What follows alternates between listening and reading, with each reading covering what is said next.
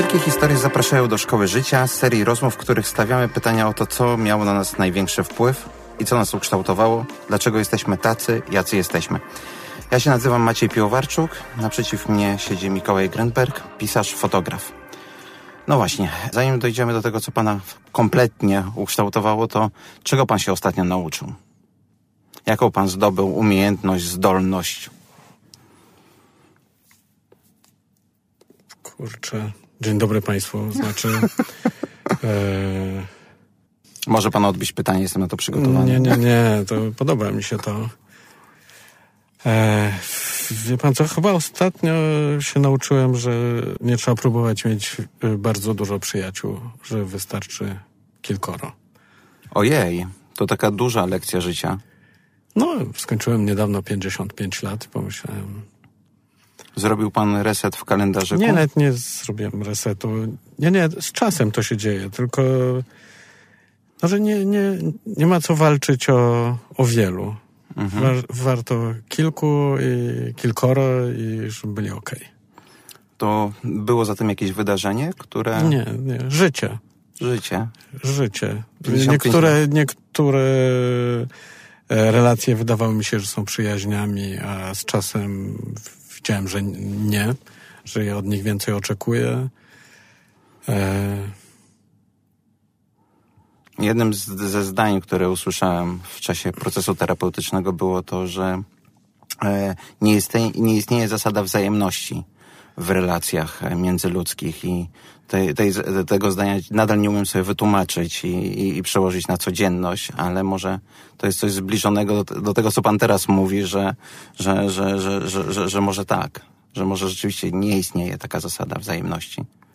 No ja się wypisałem z, z psychoterapii jako bardzo młody człowiek, bo myślałem, że będę psychoterapeutą.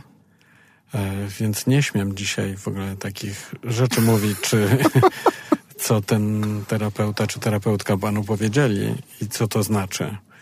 Na pewno jest tak, że każdy z nas, jak siedzimy tu we dwóch, to dla każdego z nas to jest czym innym. E, nawet jak dla obydwu z nas jest to ważne. Ale to na pewno nie jest to samo. Mhm, mhm. To, to cenna, cenna lekcja z, z, z tymi przyjaciółmi to co się liczy w tej przyjaźni?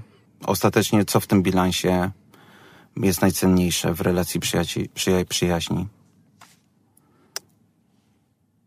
No to jest... Myślę, że cena, że strach przed stratą tych przyjaciół, że jak zaczynam tak przeglądać, kogo by mi było szkoda, a kogo nie, tak? Jak wielką stratą byłoby dla mnie stracić taką przyjaźń. To to się chyba liczy głównie. Że ja to tak dzisiaj wyceniam. L czyli lęk. przed możemy, stratą, tak. Możemy tak mówić. Okay. Możemy e, tak nazwać. To jesteśmy przy 55 roku życia. Tak. Czy możemy się cofnąć? Znaczy ja jestem, a pan? E, 43. Mhm. E, tak, to 60 centymetrów wychodzi mhm. na to, że to jest 12 lat mhm. e, w tym pokoju. Tak więc jest, mamy zakrzywioną czasoprzestrzeń, ale cofnijmy się te 40 lat e, do szkoły. I gdzieś tam wyczytał właśnie koszmar. koszmar, koszmar, koszmar, ale są wakacje, możemy sobie pozwolić na, mhm. na, na, na, na pojechanie i dużo, dużo, dużo opowiedzieć. Poza tym minęło 40 lat. Gdzieś, yy, nawet nie wiem, wiem gdzie, ale wyczytałem, że był pan złym uczniem. To pana słowa. No tak było. Bardzo długo byłem do końca. Bardzo się, byłem konsekwentny w tym. Byłem do jakoś, muszę, nie wiem, od końca szkoły podstawowej do matury byłem złym uczniem. Mm. Nie uczyłem się. Nie uczył się pan? Tak. Zajmowałem się życiem społecznym towarzyskim, żeby powiedzieć wprost. Czy szkoła była daleko, daleko na, na, na poziomie jakiejś e, wartości? Myślę, że mój mózg nie był gotowy w ogóle do przyswajania tego, co tam trzeba było zrobić. Kompletnie nie umiałem znaleźć w sobie przyjemności z uczenia się, to już w ogóle nie mówię, ale przyjemności e, z chodzenia tam. Nie, nie lubiłem. To jest liceum? Mówimy o okresie Mówimy liceum? głównie o liceum. Warszawa? Tak. Jakiś Ja e, chodziłem do liceum Lelewela na Żoliborz. na Żoliborzu. Większość nauczycieli, którzy tam byli, byli niemili, no ale myślę, że nauczyciele nie, nie lubią złych uczniów i e, nie są dla nich mili. No więc ja tego siłą rzeczy nie wspominam miło. Okej, i to, to było tak, żebym zrozumiał, że złym uczniem, czyli pan się nie uczył, był pan obecny, ale pan się nie uczył, czy szedł pan po najmniejszej linii oporu, żeby zaliczyć każdy rok? Ja każdy semestr zaliczałem e, egzaminami komisyjnymi. Troszkę e, już od połowy pierwszej klasy szedłem rytmem sesji, jak na studiach. No i zaliczałem, bo zdawałem z klasy do klasy, ale no w potwornych nerwach, w stresie, który towarzyszył mi, ale też towarzyszył moim rodzicom.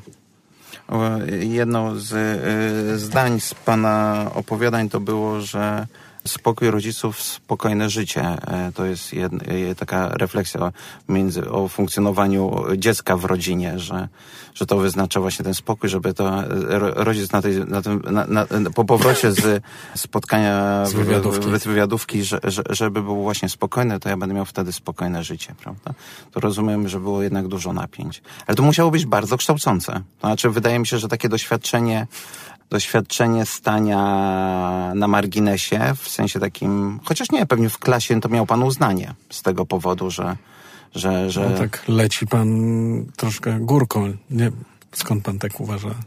Pamiętam po prostu, dlaczego tak uważam. Odwołuję się do, do, do doświadczeń z mojej klasy, że, że ci, którzy uczyli się gorzej, a byli nastawieni w swoim czasie edukacji na życie towarzyskie, no to właśnie byli też docenieni przez rówieśników, tak? Wydaje mi się, że nie wiem jak jest teraz, bo, bo, bo mój syn jest dopiero przed tym progiem e, li, liceum, ale, ale na razie się zapowiada, że to będzie bardzo ostra jazda i ktoś, kto nie będzie miał średniej poniżej 4, 4,25 to będzie wykluczony z grupy, a w, jeszcze jak ja byłem w liceum, czyli te e, lata 90., to ten, kto miał nawet, e, mógł, groziło mu niezdanie do klasy kolejnej, to jednak nie był wykluczony z grupy. To znaczy ta nauka nie była i najlepsze oceny nie były celem samym w sobie. Te 20 lat temu podejrzewam, że w pana pokoleniu czy pokoleniu mojego brata było podobnie. No tak, ale ja nie byłem dumny z tego, z tych dwójek. Wie pan, to, to nie był mój cel być klasowym jełopem. Odżyłem na studiach. Tam zaczęło być interesująco i zostałem prymusem. Nagle rozumiałem, mm, no w ogóle o czym to jest, po co ja to robię. Coś cie- bardzo ciekawego w tym było. A przedtem się męczyłem jak potępieniec. Byłem w- klasie takiej ścisłej, matematyczno-fizycznej. E, to nie były moje ukochane przedmioty. Ale było to pewnego rodzaju dziedzictwo. E, to był pomysł mojego taty, że to są najlepsze klasy, a te wszystkie inne są e, po prostu tam na tej drabinie niżej. No więc byłem w takiej klasie i, i dopiero wiele, wiele lat po później, ale tak po studiach i ten zaczęły mnie te rzeczy interesować. To coś zaczęło wracać, miałem flashbacki e, z lekcji fizyki, matematyki i wtedy zaczynałem to czytać i było interesujące, ale wtedy w ogóle kompletnie nie, nie. No, jeśli chodzi o szkołę. Ale wtedy było łatwiej, bo nie, nie było tego, tej punktacji z egzaminu maturalnego i rzeczywiście można było się przełożyć. E, bo ja nie, nie, nie powiem, że mam tą samą biografię, ale podobną e, z nauką. No i właśnie mój syn zadał mi to pytanie, jak mi się udało, skoro tylko przez całą szkołę podstawową i całe liceum tylko raz byłem wzorowy. To jak ci się tato w ogóle udało? No mu właśnie powiedziałem, że wtedy było dużo łatwiej, bo mogłeś na, na ten pół roku, na rok przed tymi egzaminami do tego liceum wymarzonego, czy do tego, które zostało wskazane przez rodziców, wziąć się w garść i, i się wyuczyć. Tak samo było ze studiami, prawda, że, że było można się przygotować. Jakie to były studia? Psychologia. Psychologia. Dlaczego psychologia? Bo chciałem iść na medycynę, ale pomyślałem, że jak będę się tak źle uczył na medycynie, jak się źle uczyłem w szkole, to kiedyś ktoś przeze mnie zginie. Więc, a chciałem pracować z ludźmi i y, zdawałem na psychologię i za pierwszym razem się nie dostałem, no bo nie mogłem się dostać, bo nic nie umiałem. I potem się uczyłem przez rok i się dostałem. Zmieniłby pan coś, patrząc na, na to liceum z perspektywy dzisiaj? Szkoła to jest w ogóle jakieś niedobre miejsce. Dlaczego? Bo ani nie uczy pracy w grupie, ani nie zachęca do, do poznawania. Znaczy tak mówię, generalizuję. Te szkoły, do których ja chodziłem w Polsce, takie, takie były i nie, nie chciałem, nie czuję się kompetentny w ogóle do zmieniania nie, szkół, ale wiem, że prowadzę od lat e, warsztaty dla ludzi w różnym wieku i robię wszystko odwrotnie niż było w moich szkołach. To cenne doświadczenie. Tak, i to się sprawdza. To jest najlepsze doświadczenie, które jest wynikiem w prostej linii traumatycznego pobytu w, w systemie tak, edukacyjnym. A jest jakakolwiek jedna rzecz, którą, którą pan wyniósł z tego liceum i która panu towarzyszy, która w jakiś sposób pana ukształtowała? Coś pan zawdzięcza tym czterem latom? Na pewno się czegoś nauczyłem. Nauczyłem się tam przetrwać. Yy, nauczyłem się mobilizować co pół roku i zdawać egzaminy. I to był dowód, że mam rozum, bo wszyscy myśleli, że go nie mam. Więc to było dobre doświadczenie. Ale straszną cenę zapłaciłem i yy, takie rozmowy, jak słyszę, jak ludzie mówią, chciałbym być tam o ileś lat młodszy, to ja myślę, że tak poniżej dwudziestki, między tam 13 a, czy 14 a 20, to ja nie chcę tam wracać. Rozumiem. Rozumiem. Niektórzy mają czarną dziurę z tamtego okresu. No i ja niestety wszystko całkiem nieźle jeszcze pamiętam. Okej. Okay. Jak ta szkoła życia nie była w levelu, to co miało na pana wpływ największy w tym okresie? To był taki dziwny moment, bo ja e, chodziłem, kończyłem szkołę podstawową we Francji. Przez chwilę tam mieszkaliśmy i wróciliśmy do Polski e, w sierpniu 81. Czyli właśnie zaraz potem mm, w grudniu 81 skończył się karnawał. Skończył się karnawał E, Solidarności i zrobiło się potwornie smutno. No i ja po tej Francji, e, gdzie świat wyglądał kapkę inaczej, e, i gdzie młodzi ludzie zajmowali się innymi rzeczami, nagle wylądowałem w świecie takim, że a tu ulotki w plecaku przenieść, a tu coś, wódki się napić, e, rozmawiać o etosie pracy, jakieś takie dziwne rzeczy, wszystko taki koktajl czytać Krishnamurtiego, bałagan, wszystko naraz. A do tego stanu pasuje takie określenie młodzi dorastający, młodzi dorośli. Tak, tak, prawda? tak. To było ciekawe. Myślę, że powroty później, nie wiem, dwa, trzy lata później y, wróciłem do Francji na chwilę na wakacje i ciężko mi się gadało z tymi kolegami stamtąd. Znaczy, ja byłem już kompletnie gdzie indziej i wytłumaczyć tym młodym Francuzom czym jest stan wojenny, już w ogóle się nie dawało i to nie, nie chodziło o kwestie językowe. Więc myślę, że wtedy szybko dorastałem, ale właśnie wciąż jeszcze nie intelektualnie. Czyli jakby takie doświadczenie oporu? Wspólnoty. Wspólnoty raczej, okej. Okay. Do doświadczenia tej wspólnoty pamiętam, że e, walczył pan o krzyż tak? E, Miałem taki epizod. Epizod, w epizod w liceum. Rozwinie pan tą historię? Tak. To jest, bo to chyba ładnie ilustruje to doświadczenie wspólnoty, a mi się kojarzy też z jednym zdjęciem, które widziałem w muzeum, ale to potem powiem na mhm. koniec. Rzeczywiście był taki moment na jakoś, w, pewno to było w okolicach 82-3 roku. Był taki ruch w środowisku licealnym, ale też chyba studenckim, żeby walczyć żeby krzyże mogły się znaleźć w przestrzeni publicznej, instytucjonalnej. I ja miałem, większość moich przyjaciół to byli katolicy i dla nich to było ważne. I no i uznałem, że jak dla nich to jest ważne, no to dlaczego nie? I brałem udział w takim zebraniu samorządowym w szkole, gdzie była pani dyrektor taka przysłana, naszą panią dyrektor wyrzucono i mhm. pojawiła się, wyrzucono wtedy, no Szpalicho, kto tam był przedtem. I pojawiła się taka mm, komisarka de facto. I ja wygłosiłem takie zdanie, że yy, no jeśli ktoś chce krzyż, to niech wisi krzyż, jak ktoś chce tam Che Guevary, niech wisi Che Guevara, jak ktoś chce gwiazdę Dawida, to niech wisi gwiazda Dawida. No jeden kolega powiedział, no z tą gwiazdą Dawida to... To przesadziłeś. To tak, to lepiej nie. No i wtedy pomyślałem, aha, to jednak, to ja chyba nie chcę walczyć o tą sprawę, bo chyba te sprawy są wspólne, a inne nie są wspólne, to ja się odsunę.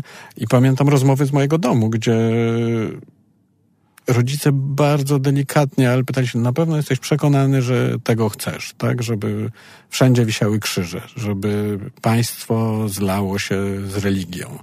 Że... I przez chwilę tak myślałem, że tego chcę, ale szybko dostałem zimny prysznic. I do dzisiaj, do dzisiaj nie chcę. Ze względu na to, że upominając się o bycie, o wartości ważne dla wspólnoty, został pan jednocześnie przez jednego z członków wykluczony, tak?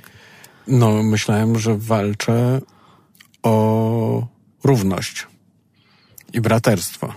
I okazało się, że one wyglądają różnie. Inaczej niż yy, ja o nich myślę.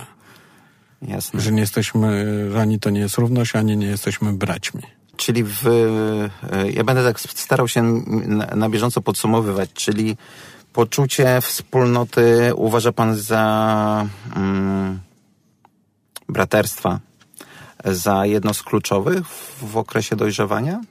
Jeżeli by pan tak spojrzał na, na, na, na siebie, na, na, na te lata 80. i na młodość. No, niewątpliwie to jest y, wielka potrzeba, którą ja odczuwałem. Nie wiem, jak y, mhm. nie, nie używam Bo dużych... Rozmawiamy o panu, tak, no, tak oczywiście. dużych kwantyfikatorów. Dla mnie niewątpliwie to było bardzo ważne, czuć się częścią jakiejś wspólnoty. I szukałem. I się zawodziłem. A z czasem zrozumiałem, że będę się zawsze w Polsce zawodził, bo w Polsce praktycznie już nie ma Żydów i tej, tej wspólnoty nigdy nie poczuję w takiej skali, jakbym tego potrzebował wtedy. A skądinąd tego nie dostanę, bo będę bywał w różnych wspólnotach, ale nigdy nie będę do nich w pełni przynależał. Więc jako dorosły człowiek zrezygnowałem z zrzeszania się. Wspominałem o tym zdjęciu. To jest e, zdjęcie w Muzeum Polaków Ratujących Żydów mhm. e, pod Rzeszowem e, i, zapamiętałem jedno zdjęcie z tego muzeum. Zapamiętałem zdjęcie z lat 30., kiedy grupa dzieci przyjmuje komunię, a wśród nich one wszystkie są ubrane na, na, na biało, Wśród nich jest jeden chłopiec, który jest na czarno i dodatkowo w krótkich spodenkach. No i to jest ten kolega z klasy, ten inny, który chce uczestniczyć w czymś, bo moi koledzy są katolikami, dla nich to jest wielkie święto. Ja mhm. chcę być te, tego dnia z nimi, mimo że jestem Żydem. Tak, ale to e, właśnie nie wiem na ile ta świadomość wspólnoty nie jest jakimś takim pojęciem. Nigdy pan nie poczuł tej wspólnoty? Czy to jest tak, że potem zawsze pan jej szukał? Zdarzało mi się, zdarzały mi się takie chwile, kiedy wydawało mi się, albo może kiedy byłem częścią czegoś, ale potem przychodził taki moment, kiedy to się weryfikowało i, i ta wspólnota, jaką by nie była, odjeżdżała. Mhm. E, I jak ja nie odjeżdżałem z nią, e, mnie tam nie brakowało. Jasne. Jasne. To na ile tożsamość, dziedzictwo nas kształtuje? Jak, jak, jaka była Pana droga? To musielibyśmy mówić o tym, o, o dziedzictwie, które ja o moim dziedzictwie, tak? Tak. Co jest moim dziedzictwem? No, moim dziedzictwem jest. Myślę, że moim dziedzictwem jest Holokaust. Ja się wychowałem w rodzinie e, ocalałych e, i jakby oni się nie starali dawać nam e, ciepło, miłość i to wszystko, co dostaliśmy, żeby było jasne, również przekazali nam rodzaj żałoby po ludziach, których nie znaliśmy.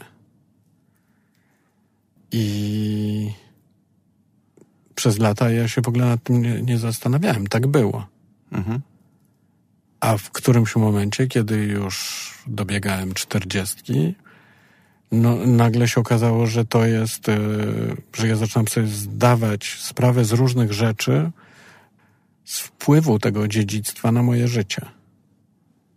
Że myślałem, że jestem, tak jak każdy z nas myśli, że jest wolnym człowiekiem i zarządza swoim życiem, a może się okazać, że są jakieś traumy, które powodują, że mam jakiś syndrom na przykład, i nie mówię tu o sobie, ale w ogóle.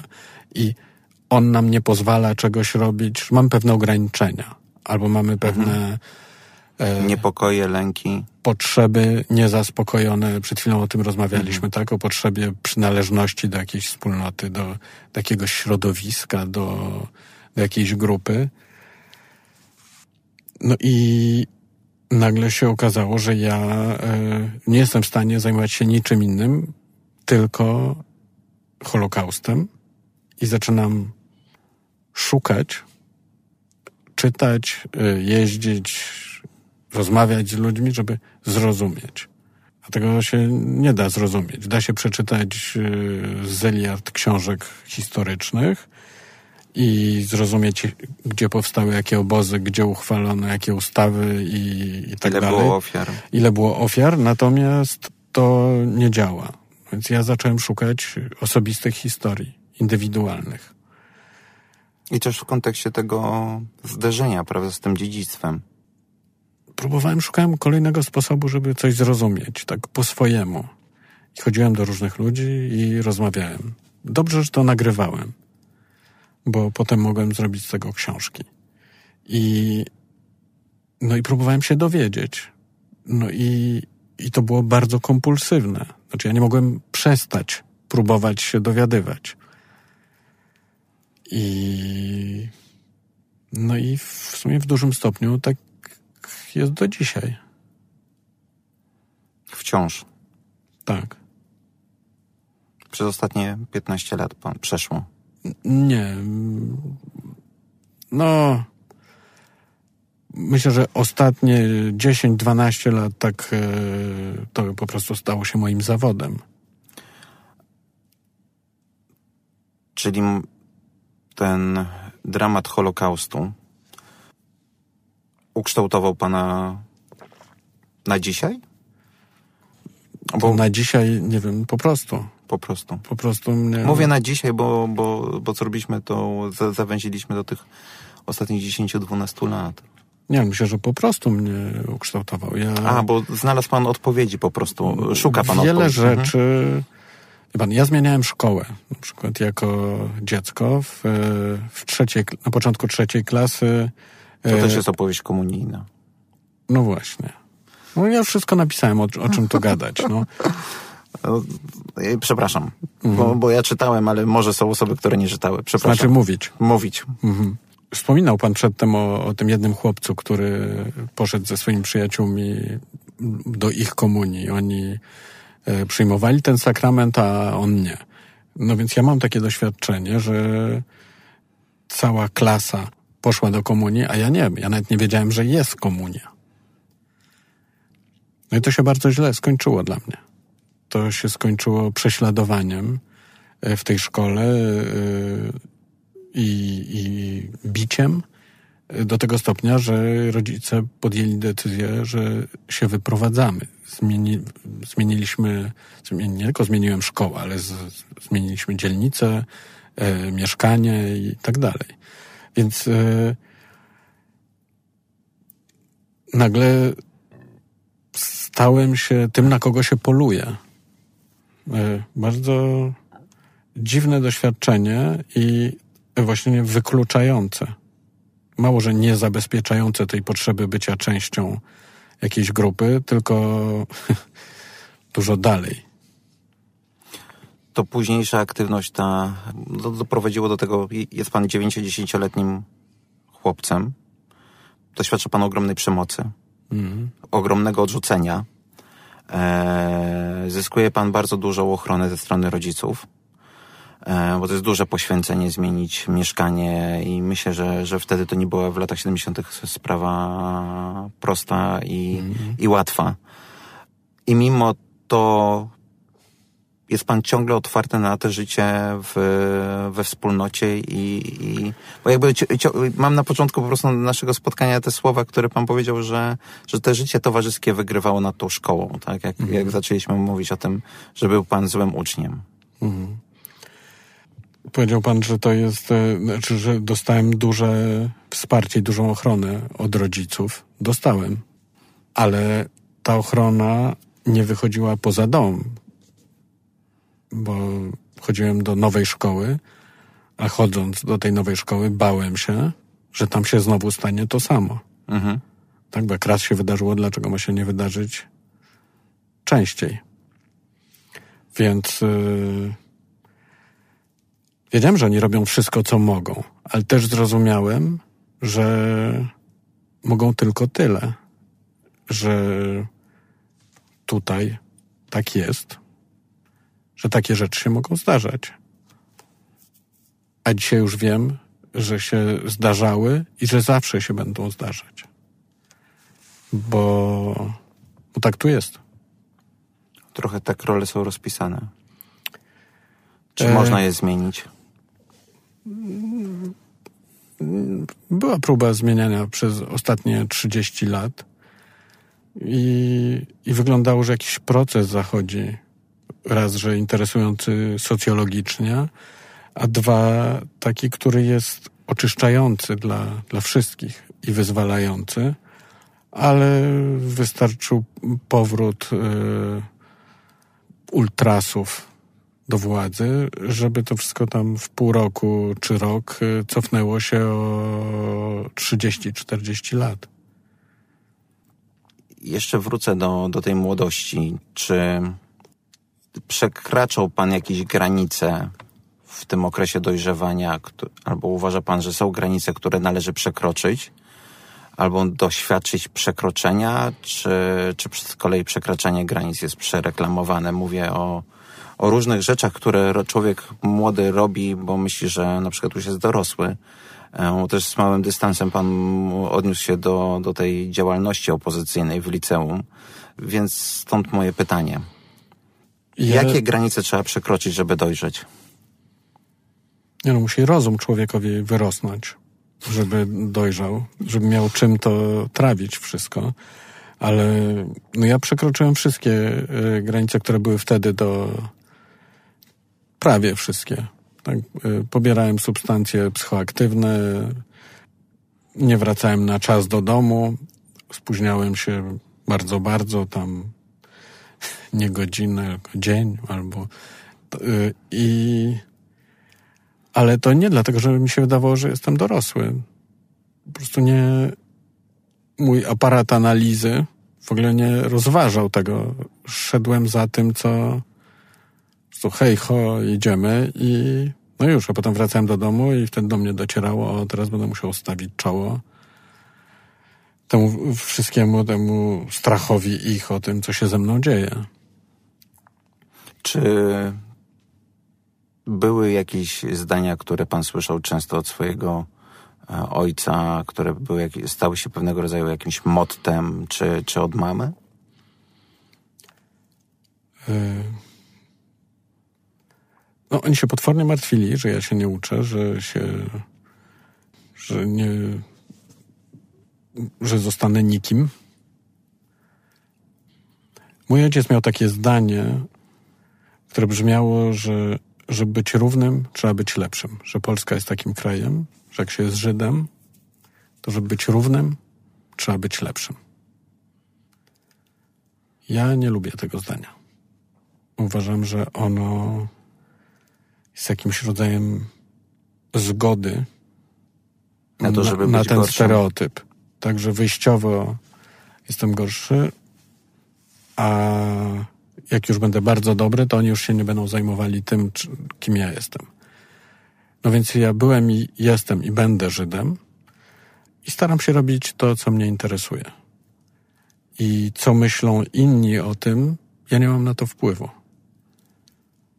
Więc e, idę swoją drogą, ale bardzo dobrze rozumiem mojego ojca. Wiem, skąd to zdanie się wzięło. Wiem, dlaczego on był prymusem, dlaczego został tak, e, tak szybko zrobił doktorat, dlaczego e, został profesorem. Który to był rocznik? Yy, Mój ojciec? Tak, 40. 40. I no, on wytrącał broń swoim przeciwnikom czy swoim opresorom. A ja nie chciałem się zgodzić na to, że oni mają prawo mnie opres... Jak się mówi? Opresjonować? Nie. No, Proszę, Znęcać się, prześladować? prześladować. Prześladować. Mhm. A zdanie, które pan wziął od ojca i ma pan przy sobie, a nie odrzucił? To nie zdanie, Nie. to jest w ogóle jest dużo rzeczy. No, myślę, że to wszystko, co myślę o rodzinie. To, to kim dla siebie jesteśmy i, i dzisiaj jako najstarsza osoba w tej rodzinie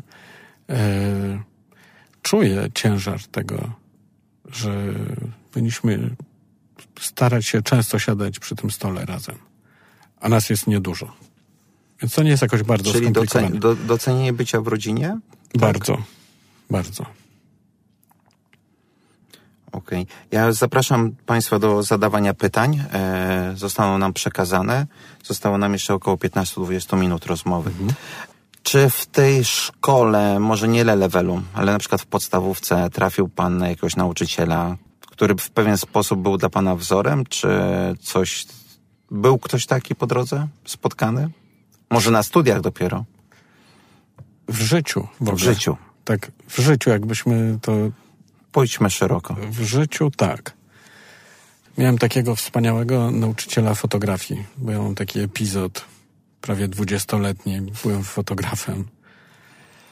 Ale zacząłem właśnie tak e, z nienacka e, i musiałem się szybko tego Z nauczyć. nienacka to znaczy? Co się dzieje z nienacka? Że wchodzi się w coś na 20 lat. E, zrobiłem zdjęcie brzucha, w którym był mój syn, nasz syn. I sfotografowałem w- wtedy moją, moją partnerkę, która dzisiaj jest moją żoną. I aparatem taty. I potem zaniosłem to zdjęcie do takiego punktu, gdzie wywoływali te zdjęcia i dostałem po tygodniu czy dwóch, bo to trzeba było długo czekać. Dali mi to zdjęcie i to było takie paskudne, takie do wyżegania po prostu. I pomyślałem, że to jest niemożliwe. Że ja ją tak kocham i tak, i tak to ładnie wszystko wyglądało, i że to jest niemożliwe. I zacząłem się dowiadywać, jak to się robi. Żeby, no Jak, i jak żeby- utrwalić to, co widzę i czuję. nie, jak z tego, jak uratować to zdjęcie. I kupiłem powiększalnik, kuwety. A, to jakby rozumiem, wywołanie zostało zepsute, Mhm. proces wywołania w zakładzie. robienia odbitki. Tak. tak. I, a wtedy te wszystkie rzeczy były tanie. I postawiłem to wszystko w domu, zamknąłem się w pokoju, miałem wiadro wody i te kuwety i to wszystko. I siedziałem tam ze dwa dni i wyszedłem i było okej. Było to, co widziałem. No i potem zacząłem szukać kogoś, kto by mi powiedział, jak to się robi wszystko. I taki przyjaciel e, rodziców, Krzysztof Barański, wspaniały fotograf, nieżyjący już dzisiaj. I ja chodziłem do niego uczyć się. Jak za pierwszym razem poszedłem, to on powiedział mi, dobra, słuchaj, nie ma co gadać, e, przyjdź za tydzień i z odpowiedzią na pytanie, e, dlaczego chcesz być fotografem. To było dobre pytanie, bo ja do dzisiaj myślę. Słucham. I nie umiałem w ogóle znaleźć odpowiedzi. Męczyłem się jak potępieniec. Czyli robił pan coś przez 20 lat, nie wiedząc, dlaczego pan to Nie, robił? miałem przyjemności, uczyłem się, rozwijałem, to, to było fajne, ale ja chciałem robić zdjęcia, a nie zastanawiać się, dlaczego chcę robić zdjęcia. Przynosiłem do niego potem przez miesiące zdjęcia. On siadał z, z innym fotografem, też już nieżyjącym, Sławkiem Biegańskim. I brali te moje zdjęcia, siedzieli przy takim stoliku kawowym. Ja siedziałem tak trochę dalej na takim niewygodnym krześle. Przynosiłem stertę odbitek i oni brali te zdjęcia, jeden pokazywał drugiemu i potem na ziemię, na ziemię, na ziemię, na stół i na ziemię, na ziemię. No i pod koniec były dwa czy trzy na stole, a reszta na ziemi. I nic nie mówili. I ja się pytałem, ej, no i? A oni mówili, no co, nie widzisz? I potem kończyliśmy ten etap i rozmawialiśmy o różnych rzeczach, o życiu. Ale nie o tych W zdjęciach. ogóle nie o fotografii. A ja chciałem, żeby mi powiedział, jak zrobić za ciemno, ostro, jaśniej, coś tam, te kontrasty, te wszystkie rzeczy, które są językiem fotografii. I to była najlepsza nauka, jaką miałem w życiu. Chociaż ja tak, jak prowadzę zajęcia i prowadziłem z fotografii i z pisania, tak nie robię. Bo to wymaga e, jakichś predyspozycji psychicznych, żeby mieć w sobie to okrucieństwo. Ale okrucieństwo do rozmowy o... No, do tego, żeby rzu- zrzucać A, czyjeś od- rzeczy, na, y, pracę na ziemię. Okej. I to było dla mnie bardzo dobre, bo nagle przeniosło mnie z sytuacji szkolnej, która też nie była fajna, ale coś zaczęło mi uruchamiać w głowie. No ja w ciągu roku, znaczy po pół roku ja już byłem fotoreporterem pracującym w dużym dzienniku. Po następnych dwóch latach miałem swoje studio i zacząłem robić duże e, sesje reklamowe i na świecie i tu. I tak spędziłem 20 lat. To najważniejsza rzecz, którą pan od nich... Bo opowiedział pan o procesie, a najważniejsza rzecz, którą usłyszał pan od swoich mistrzów? No ja właśnie od nich jej nie usłyszałem, oni mnie zmusia, zmusili do myślenia.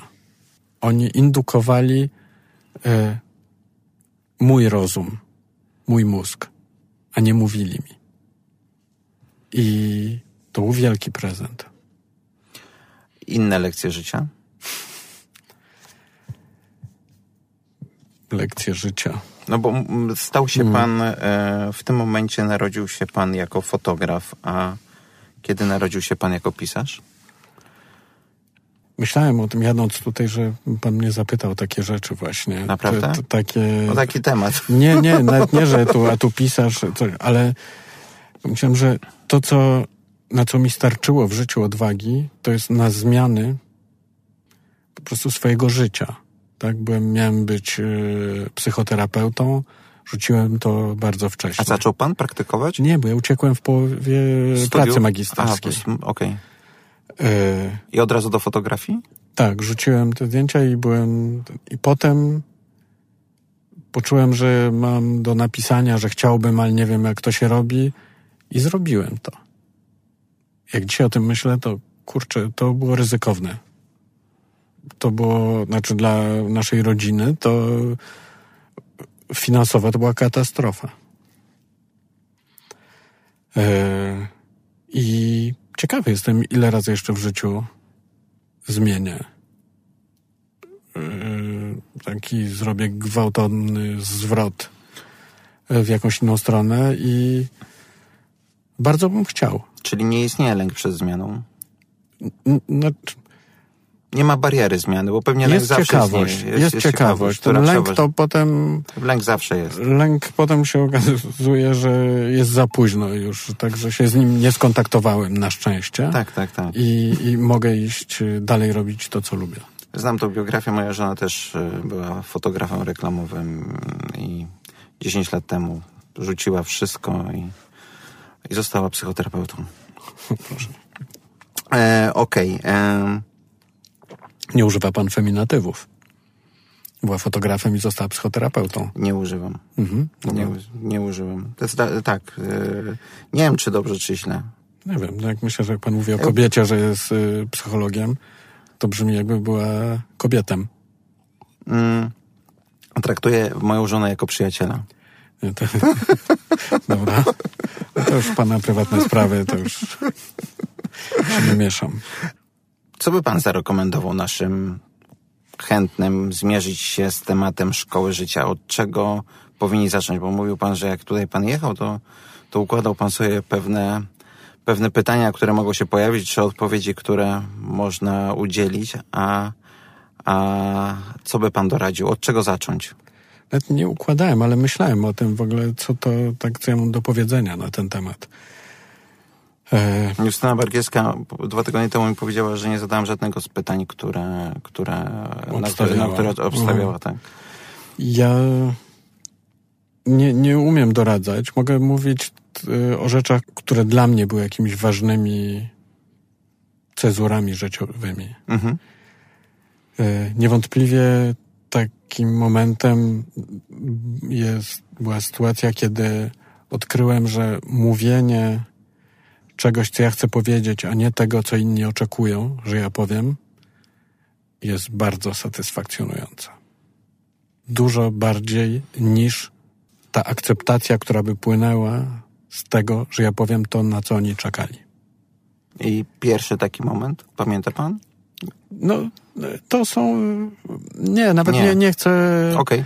To są sytuacje, kiedy się odzywam publicznie. Mhm.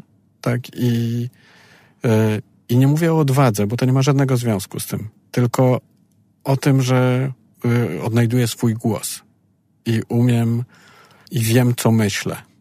Mhm. Że nie zawsze myślę to, co wszyscy. Albo nie zawsze myślę to, co ci, którzy siedzą wokół mnie. I mówienie swoim głosem to jest wielka przyjemność. I to jest yy, na pewno pierwszy krok do pisania, żeby to odnaleźć swój głos. Bo pisanie, tak jak ktoś już kiedyś pisał, na pewno ma jakieś walory, ale ta osobista przyjemność, wręcz fizyczna, że nagle się mówi, yy, że się to, to robi po swojemu. E, nie wiem, chyba nic e, ważniejszego. To, że mam dzieci i, i takie e, fajne i mam dobre z nimi relacje, plus to, że znalazłem swój głos, to są dla mnie takie ważne rzeczy. Znalezienie głosu czy coś jeszcze? Nie, nie wskazówka, tylko ten jakby, jakby tak. Jeszcze coś? Jeszcze coś. Bo to, ja to nie jest, wiem, czy ja mam. A ja, ja myślę, w ogóle, że... panie Mikołaju, sobie myślę, że znalezienie własnego głosu jest bardzo trudne. Pracowałem w redakcjach i hmm. widziałem, jak przychodzili młodzi dziennikarze, którzy mieli swój stosunek, swoją energię, swoją złość, która po kilku miesiącach, mimo że wydawało mi się, że środowisko jest bardzo otwarte, zanikała i te teksty stawały się coraz bardziej wygładzone i w zasadzie pisało się to, co na kolegium redakcyjnym zostanie określone, o, to jest nasz człowiek. Tak no więc dlatego, dlatego mi się ja wydaje, że, to, że, że to jest bardzo, bardzo, bardzo trudne, tak? I... Dlatego ja nie funkcjonuję w grupie. W żadnej. Nie, nie pracuję w żadnym zespole. Bo chyba nie umiał. I zachowuje pan ten swój głos.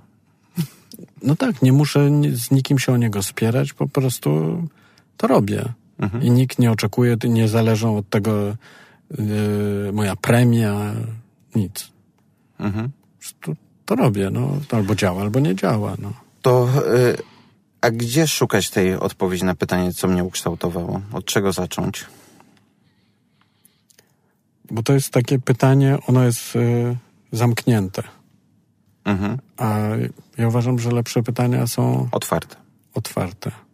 I myślę, że tym otwartym pytaniem, które byś jakoś miało wspólny zbiór z tym, z tym pytaniem, które pan zadał, to jest pytanie o to, co jest dla ciebie ważne.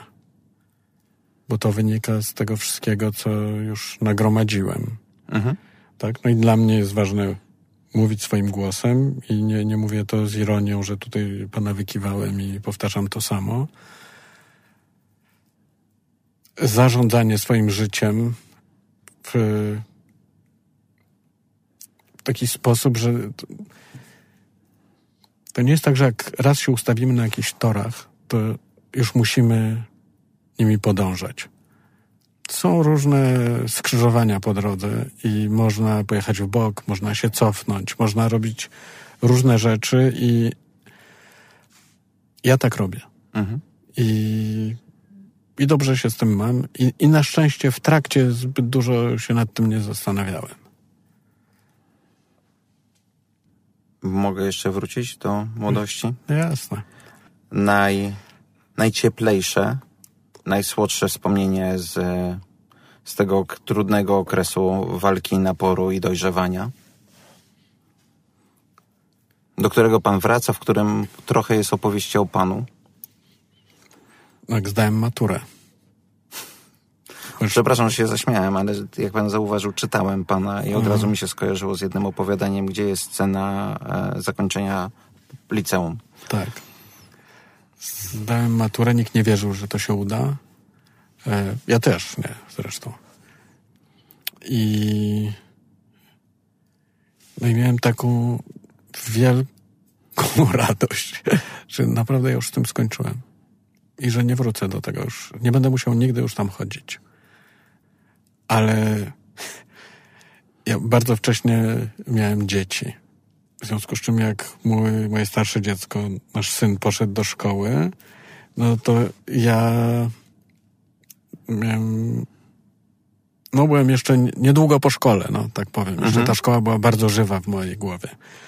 I wiozłem go samochodem, jego i jego kolegę, drugiego dnia do szkoły i pomyślałem, kurczę, oni mają jeszcze te 12 lat przed sobą. To jest jakiś koszmar po prostu. I odwracam się i mówię do tych dwóch chłopców, no chłopaki, to jeszcze wam zostało 12 lat bez jednego dnia. I mój syn do dzisiaj mówi, ty no, ty pomyślałeś chwilę chociaż, co ty do mnie mówisz wtedy? I ja to powiedziałem z pozycji tego ucznia, który nienawidział już szkoły. E, nie starczyło mi rozumu, żeby to powiedzieć z pozycji taty. Jestem z was dumny, super chłopaki, chodzicie już do szkoły. Nie? Tylko powiedziałem debilny tekst, bo sam miałem taką sprawę ze szkołą. E, jeden mój znajomy, który e, jest autorem książek dla dzieci, mhm jak była cała debata o tym, czy dzieci powinny pójść rok wcześniej, czy rok później, tam się przewinęła kolejna jakaś tam mm. ustawa o świecie się zmieniała i, i była ta debata, no to... Nigdy. Moi znajomi, moi znajomi, którzy, którzy pracowali w jakichś korporacjach i tak dalej, uważali, że należy przedłużyć dziecku, dać jeszcze jeden rok dzieciństwa. A on uważał, że im wcześniej zaczną, to Bogu dzięki, Bogu dzięki wcześniej skończył, więc, e, więc nie jest to odosobnione. Tak mi powiedziała pani dyrektor w liceum, do którego chodziłem jeszcze zanim ją wyrzucono. W połowie pierwszej klasy, jak się zorientowała, że może nie była, nie uczyła mnie, ale wiedziała tam, w której klasie komu jak idzie.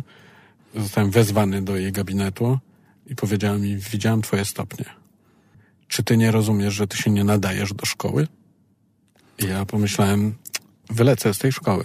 Bo tam za złe stopnie się wylatywało. Oni no, chcieli mieć dobre... Była bardzo dobra szkoła. Tak. I... A w następnym zdaniu powiedziała, musisz się uczyć, bo nie możesz w tej szkole być ani dnia dłużej. Cztery lata i ani dnia dłużej, bo to nie jest dla ciebie. Musisz skończyć i... To też potrafi zmotywować.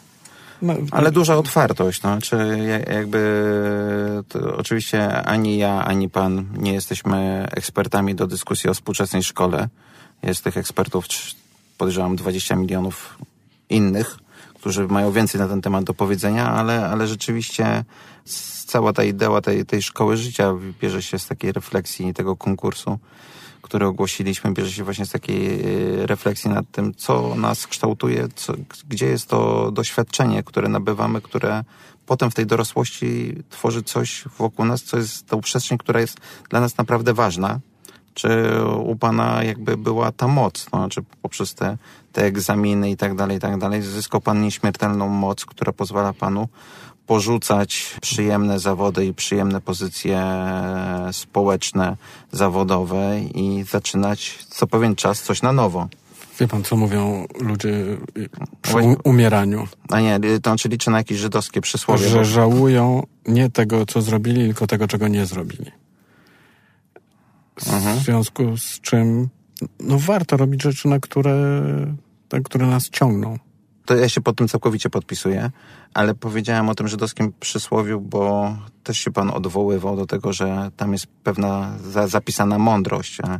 Jest jakieś, nie żydowskie przysłowie, przepraszam, żydowskie dowcipy, w których jest zapisana mądrość i edukacja, mm. które jak podróżowo, po pierwsze w pana rodzinie są przenoszone, tak? Mm. Jest, jest tor międzypokoleniowy a z drugiej strony jak pan podróżował po świecie, to też one były czytelne. One są w ogóle w żydowskich rodzinach tak, przenoszone. Dowcip to jest coś, co przychodzi a propos czegoś. Czyli nie przyszło. Dobrze. Nie przyszło. Dobrze. Panie Mikołaju, bardzo, bardzo dziękuję. dziękuję e, Bym rozmawiał dalej, mhm. ale nie byliśmy na to umówieni. Kiedyś pewnie wrócimy. E, z wiele, wiele, wiele wątków. Bardzo dziękujemy i do usłyszenia. Dziękuję bardzo.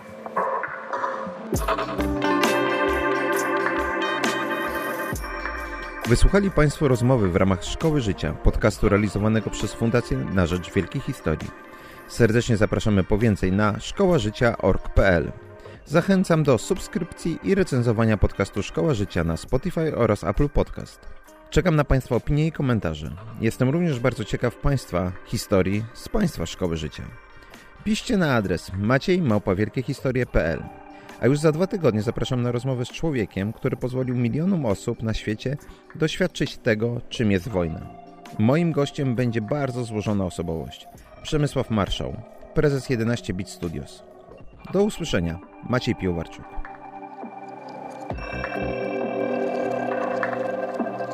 thank